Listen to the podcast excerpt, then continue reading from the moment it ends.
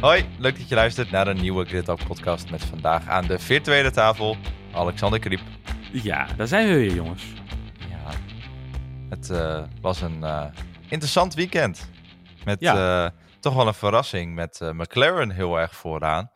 We hadden natuurlijk de voortekenen al wel een beetje gezien met Lando Norris die hun nieuwe update al op de auto had in, in Oostenrijk. Maar nu had ook uh, Oscar Piastri uh, de update op de auto en jeetje wat een weekend hadden zij. Ik uh, geloof niet dat Zack Brown hier heeft op kunnen, kunnen, kunnen hopen en zich echt helemaal heeft kunnen voorbereiden. Want jeetje, wat als die upgrade wat werkt die jongens. Ja. Het is echt... uh, We, we, we, moeten nog enigszins, uh, nou ja, uh, voorbehoudend zijn. Want hè, we weten niet of het op een circuit, zoals bijvoorbeeld Hongarije, waar we over twee weken naartoe gaan, ja. of, dat, uh, of, dat, of hij daar ook zo goed gaat werken. Maar zo, op Silverstone uh, liep het ding echt als een tierenlier. Ik geloof dat Max Verstappen dit, uh, deze race, voor het, deze race voor het eerst dit seizoen gewoon een be beetje heeft moeten vechten om, om de leiding te houden. Ja. Weet je, eh, ik weet niet of je al teruggekeken hebt naar, naar de start.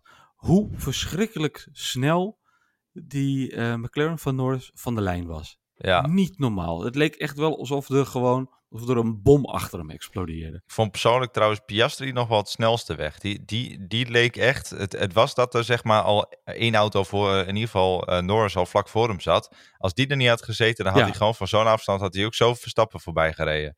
Ja, maar hebben ze echt, four-wheel drive in die auto gezet of zo? Wat Ik, is ik, dit? ik heb geen idee. Ik weet wel dat Verstappen wel achteraf klaagde dat zijn start niet helemaal lekker was. Nou, dat was ook wel te zien.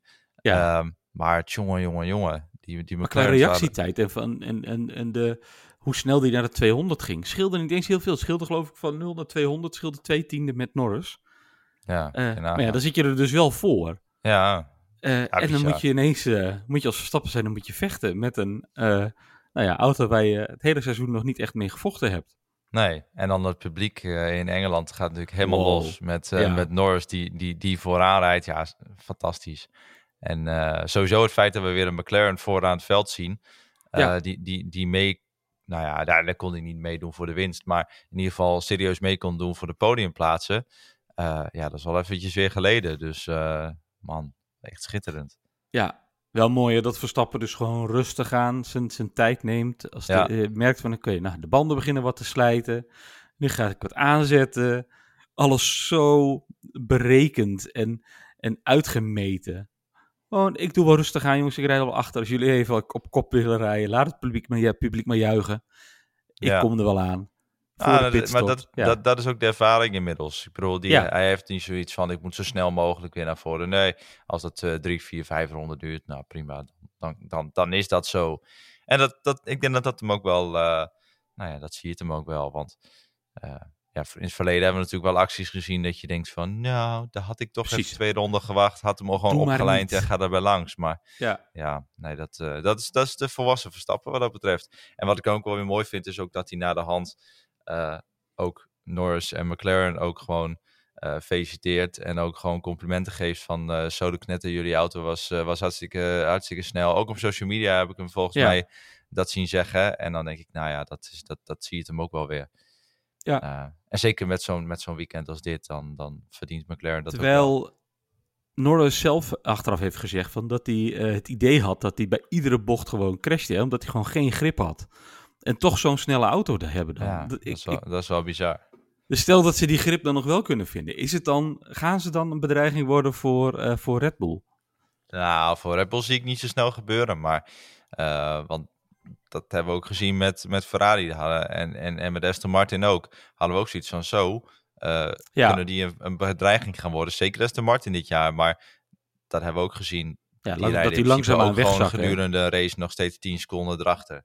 Ja. Eh, dus ja, Ja. en hun resultaten, dat- die, die zwakken natuurlijk af, omdat de rest beter wordt. ja. Ehm, ja, en dat merk je wel. Dus eh Aston ja. Martin moet ook wel echt met updates gaan komen. Want Ja, maar het kan zijn dat zij natuurlijk al lang, lang en breed door hun, eh, door hun budget heen zijn. Dat ze gewoon Dat heel kan, veel in, ja. de, in de winter hebben uitgegeven. Eh, en dat ze gewoon dus de ontwikkelingen niet bij kunnen houden. nee. Maar wat wel leuk is, eh, McLaren staat nu natuurlijk wel voor Alpine, die beide een, een no, no score hadden. Weet je, beide Alpines zijn eruit ge- uitgevallen met pech. Ja, Dus ze zijn er gelijk. Ik dacht, nou, nou dat wordt spannend straks. hè. We hebben zo meteen eh, McLaren die stond achter, eh, achter Alpine. Maar ja, als Alpine geen punten scoort en McLaren met zo'n monster scoren met z'n tweeën. Ook Piastri natuurlijk. Ja, dan ineens zijn ze er voorbij. Dus, ja. En ook goed, hè? Staan nu gewoon 12, ineens 12 punten voor op Alpine. En wat zal Piastri ook in zijn vuistje lachen, jongen. Ja, ja, ja, ja. Die, hè, ik, ik zag ook naar de hand een foto met, eh, van hem de, toen hij de vraag kreeg eh, van, eh, over dat, hij, dat ze volgens mij nu inderdaad in het constructeurskampioenschap ook voor Alpine staan. Eh, en dus, toen zag je hem ook zo, zo, zo vies lachen. Zo. Ja, ja. blij dat ik uit dat zinkende schip hoe heet dat, vandaan ben. En, en ook Alonso zag je op de achtergrond nog staan. Echt met een ontzettend grote glimlach. Ook naar Piastri kijkend. Zo van, ja, dit heb ik aangericht. Ja. dus eh, ja, ik vond het echt ja. Alonso die geniet ook wel natuurlijk. Ja, ik bedoel, die ziet dat ook allemaal wel gebeuren. En die, denkt Ja. ook, die vindt het natuurlijk ook schitterend als zo'n Piastri P4 wordt. Ik bedoel, eh, en, en dat vind ik dan nog het allermooiste. Dat Piastri wordt P4.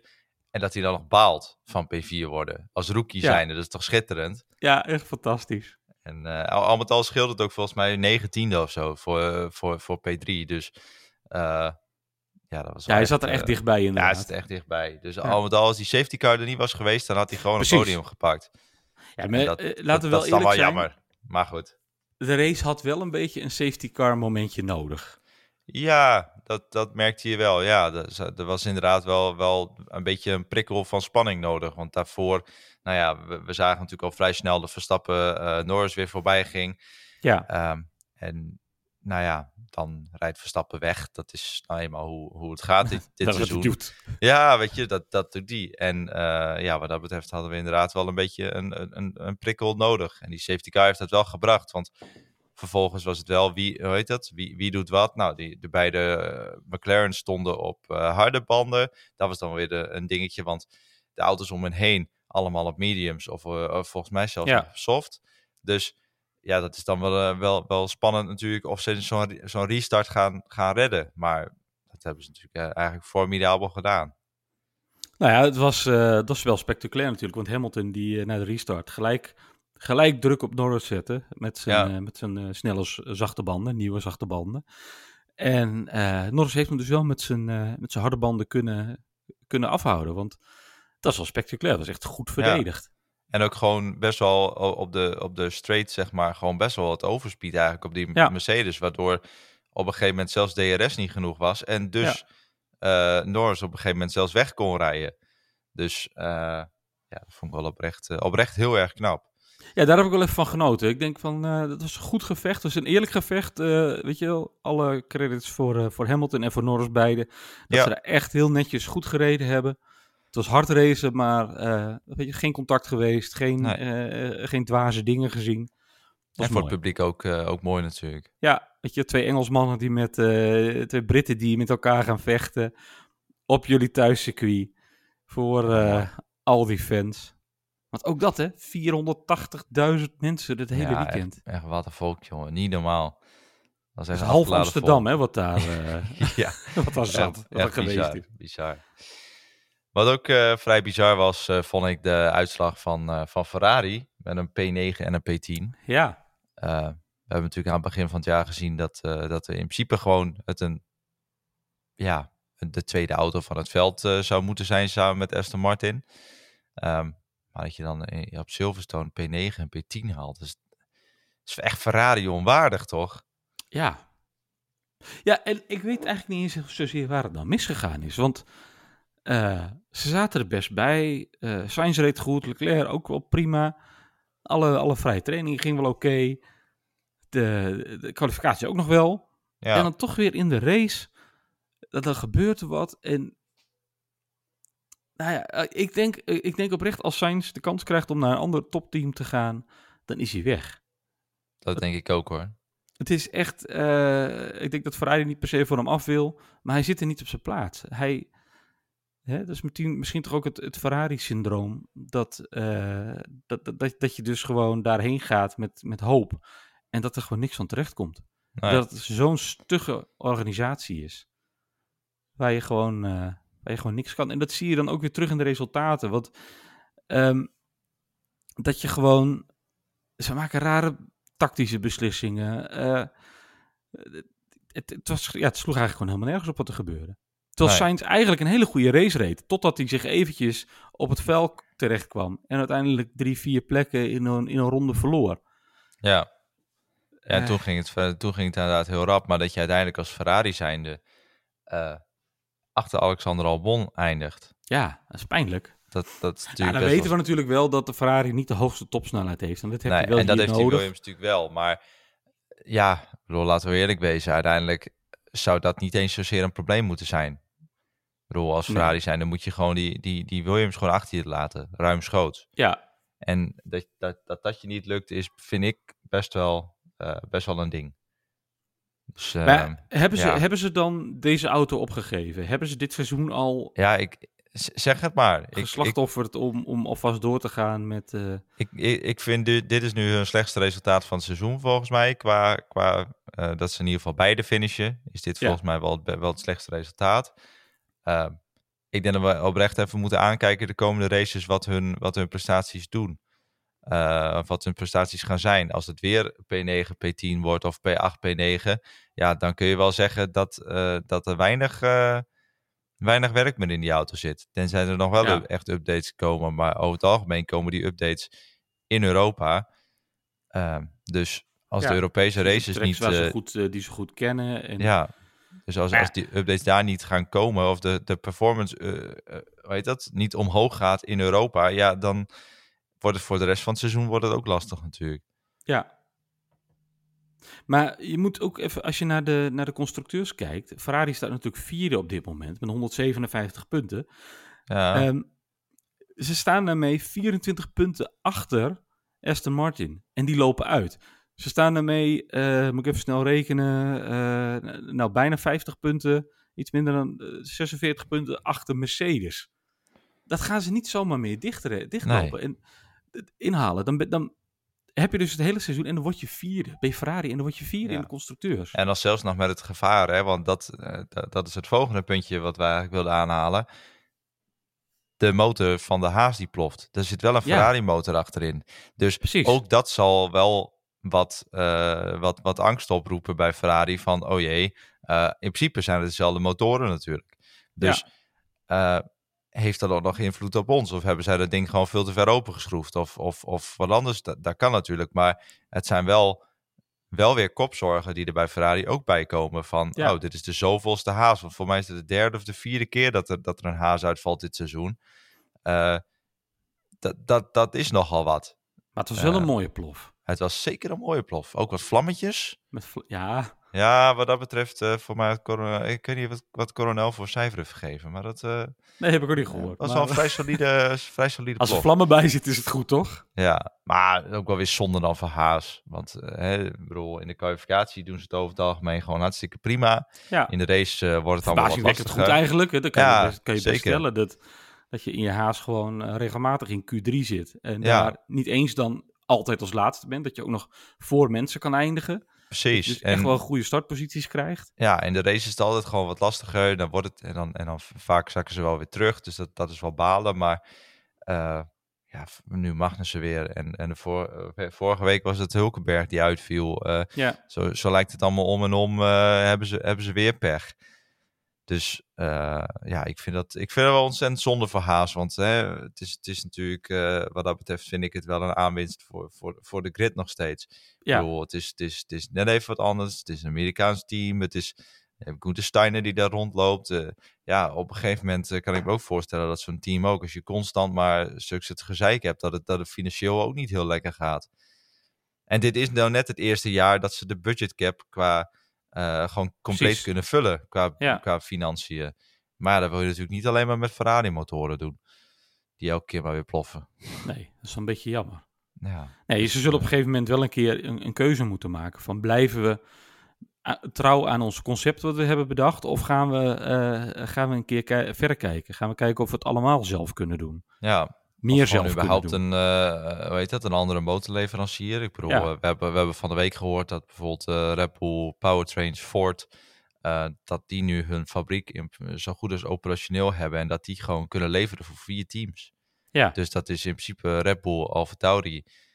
En kunnen ze nog twee teams bijhalen. Ik kan me voorstellen dat, dat een Haas wel denkt van nou, misschien is kunnen we daar eens... een goede eh, deal kunnen krijgen. ja, en, en er zijn niet zo heel veel teams die het kunnen gaan doen natuurlijk. Hè? Want ik bedoel, Alfa Romeo gaat het niet doen, want die krijgen Audi straks. Ja. Eh, Ferrari gaat het natuurlijk niet doen. Mercedes gaat het ook niet doen.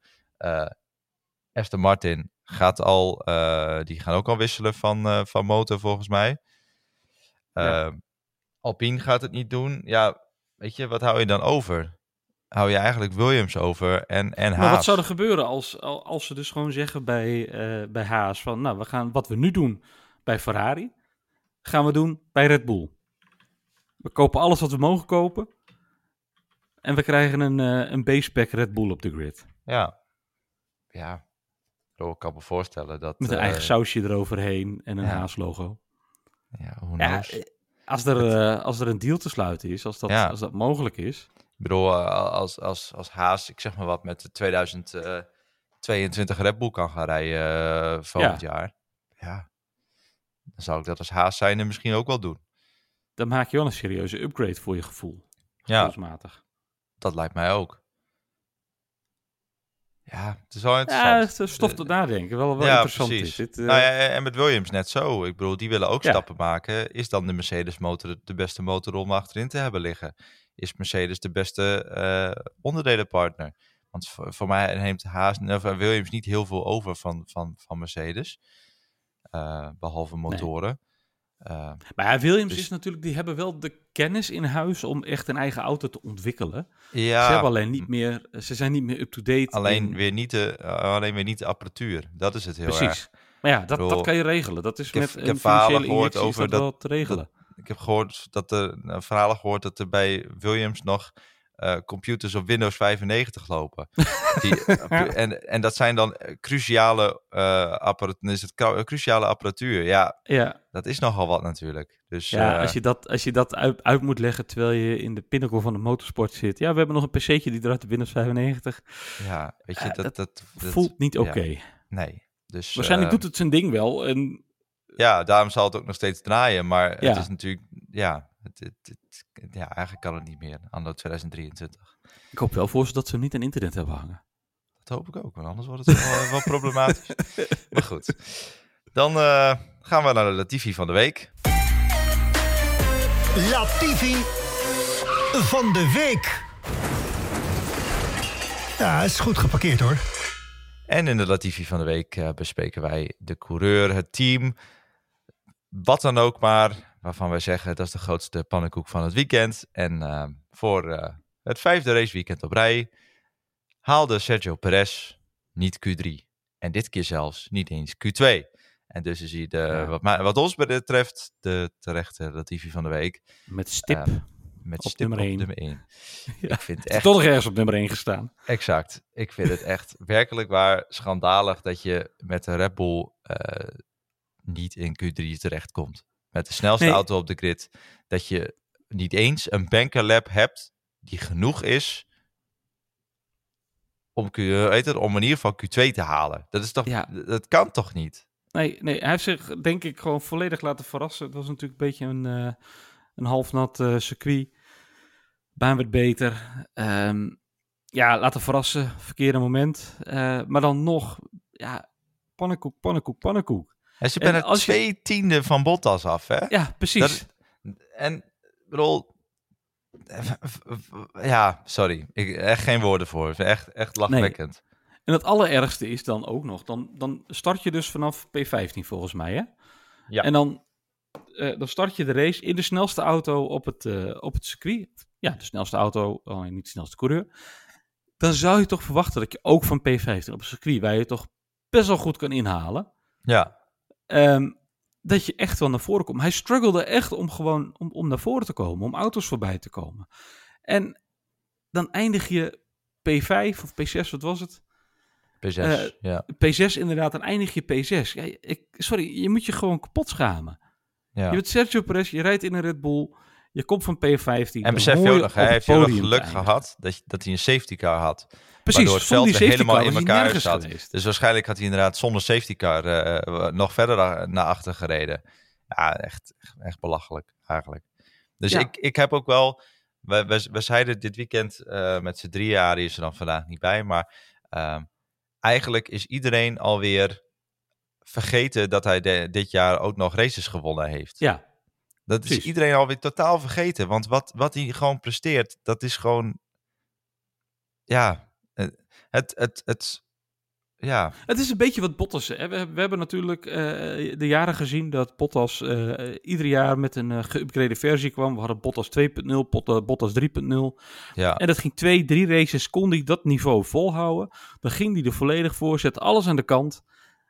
En, maar hij kon dat geen heel seizoen volhouden. En dan zakt het weer in en dan is het gewoon van ja, ja maar ja, dat is Bottas. Maar Ja. uit welke versie je hebt. natuurlijk. Dat, ik bedoel, dat- ik denk dat we dat nu ook bij Perez zien. Dat hij Ja. dus gewoon niet de kans krijgt, of niet dat niveau vol kan houden. Hij heeft het wel in zich om snel te zijn en om, om uit Ja. te blinken op bepaalde races en bepaalde momenten. maar de druk heel van Verstappen lang. kan hij niet aan. Nee, Het feit dat je Verstappen naast je hebt. En ik bedoel, laten we ook heel, heel eerlijk wezen. De hele grid zegt dat. Hè? De hele Formule 1-wereld zegt de stoel naast Verstappen is de moeilijkste stoel om in te zitten. Ja. Aangezien, ja, ik bedoel, we kunnen heel, heel eerlijk zijn. Verstappen is gewoon eigenlijk de beste coureur die momenteel op de grid rondrijdt. ja, Eh, ook al rijdt er nog steeds een zevenvoudig wereldkampioen eh, eh, rond. Maar die is ook niet meer op het beste van zijn kunnen. Dat, dat kunnen we in ieder geval nee, Ja. absoluut. is moeilijk om te stellen, omdat hij natuurlijk ook niet de beste auto heeft. Maar in principe is Verstappen gewoon de beste coureur op de grid. Ja, Ja. dan is de stoel daarnaast is de moeilijkste stoel om in te vullen. Want je, je zult het nooit goed doen daarin, wat dat betreft. Nee, want Maar je, je krijgt misschien zolang jij elke niet race 100% tweede- de kans om hem, om hem te kunnen eh, om hem aan te kunnen vallen. Ja. Ik geloof ook wel dat bij Red Bull de afspraken zo zijn van, weet je, Verstappen, eh, als die zegt de auto moet deze kant op qua ontwikkeling, dan zal dat gebeuren. Ja, en dat is Eh, logisch. Want Ja, en dat is ook logisch, ja. Maar moet je, moet je nagaan, hè, dat we dus in, in 2016, toen, ehm, toen, toen we Mercedes oppermachtig hadden en dat Nico Rosberg naast Hamilton zat. Eigenlijk was het een vergelijkbare situatie. Hè? Je hebt Ja. dus een coureur die oppermachtig is. Dat was, hij was toen by far de beste coureur op de grid. ja, En toch is het, eh, is het Rosberg gelukt om, om Hamilton te verslaan. Ja. En ik snap wel dat hij gezegd... Toen vond ik het heel vreemd. Ik vond het zo'n vreemde keuze van Rosberg om te zeggen... ik ga nu gewoon stoppen. Ik heb mijn doel bereikt. Ik ben kampioen geworden. Ik heb Hamilton verslagen. ja. In gelijk materiaal. Ik ga stoppen. Ik was Maar, echt ja, verbaasd. ik denk, To- toen wel al, toen waren we het wel allemaal. Maar Ja. inderdaad, als je nu achteraf terugkijkt, dan denk je, ja, had hij het nog een jaar kunnen doen? waarschijnlijk, niet. Nee. Nee. En dat zie je nu dus, hè, dat zien we bij Bottas, we zien het bij, bij Perez. Echt, eh, Ja. op, op, ja, ik vind, ik vind dat mooi, dat zijn mooie inzichten. En dat maakt eigenlijk, eigenlijk maakt dat de coureur nog beter. Eigenlijk maakt dat Max Verstappen nog beter. Ja, omdat je, ja, het is niet opgeven, vind ik. Van, nee, van eh, Bottas niet, eh, maar ook, ook van Rosberg niet. Maar het is wel inderdaad, het is wel een compliment ook weer richting Hamilton en Verstappen. Van ja, jullie hebben wel een niveau wat eigenlijk niet aan te tikken is. En we Ja. moeten geluk hebben om, om je te verslaan. En om beter Ja. te worden aan het einde van het seizoen. Ehm, of om, om beter te zijn aan het einde van het seizoen. Ja, dat, dat, dat zit er eigenlijk niet in. Dus in dat opzicht, ja, het is wederom een compliment naar Verstappen.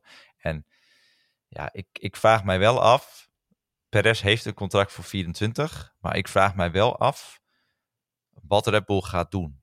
Want ik kan me wel voorstellen als, dit, als hij dit niveau blijft aantikken het hele seizoen. Als dit zijn niveau blijft. Ja, als het hier, hierbij dan blijft zijn er steken. alternatieven genoeg. Zet er een rookie in en je bent al beter af. Nou ja, eh, weet je, met een rookie zal het nooit. eh, nou ja, zal het waarschijnlijk uit het begin wel slechter gaan. Maar ik kan me voorstellen dat er rookies zat zijn. Ik bedoel, ik noem een eh, Liam Lawson die als een, als een idioot Ja. gaat in Japan. Eh, Er gaan geruchten dat ze wellicht Nick de Vries willen vervangen door Alex Pelot. Schuif die door. Ik zou Ja. niet weten, hoe heet dat? Ik zou niet weten waarom die het niet, niet zou kunnen. Die jongen is echt, echt bloedje rap. Eh, er zijn wat dat betreft zat keuzes om, om, om, om het te doen. Ik bedoel, ik vind zelf, dat heb ik ook al geroepen toen, eh, voordat ze Perez haalden, Nico Hulkenberg. Rijdt Ja. in die haas hartstikke solide. rijdt Magnus het snot voor de ogen. Haalt Ja. wat dat betreft wel kwalificatieresultaten in een, in een haas die halve tijd dus beter beter. zijn dan Perez. En ja, in de race is het niet dat hij niet kan racen. Het is gewoon die auto wil niet harder. Dus weet je, ja, ik, ik vind zo'n eh, zo'n bak ervaring daarnaast vind ik nog steeds gewoon een goede keuze. Adi zal Ja. me gek verklaren, maar eh, ja, ik, Nou, ik heb natuurlijk ook eerder geroepen. Wat mij betreft zetten ze Sainz ernaast. ja, Haal vind ik Sainz ook bij, goed. eh, ja. bij Ferrari weg. En, en zet die er neer. ja, dat is ook een goede keuze. Ik Sainz bedoel, is een van de weinige coureurs die in toen Toro Rosso tijd Verstappen toch wel het vuur aan de schenen heeft gelegd. Dat hij, Ja. dat hij echt wel met Verstappen moest en kon racen. Ja, ik denk, ook dat, ik denk wel dat Sainz zich weer niet in de tweede, eh, tweede rijderrol wil schikken naast Verstappen. Nee, Alleen, ik denk wel, ja, ik, maar ik denk alleen wel dat, het wel dat hij wel ook het maximale uit die auto kan gaan halen. Ja, Eh, dat, dat, dat lijkt mij wel. Dus ik denk dat het ook een goede keuze zou zijn. Ja, eens. Ja. en Hongarije. En Hongarije, dat, eh, dat is de eerste, eerste horde. Eh, ik, eh, ik, ik vind Hongarije altijd leuk. Het is niet de meest, meest spectaculaire race altijd. Maar ja, ik, ik weet niet. Ik vind, ik vind het wel echt...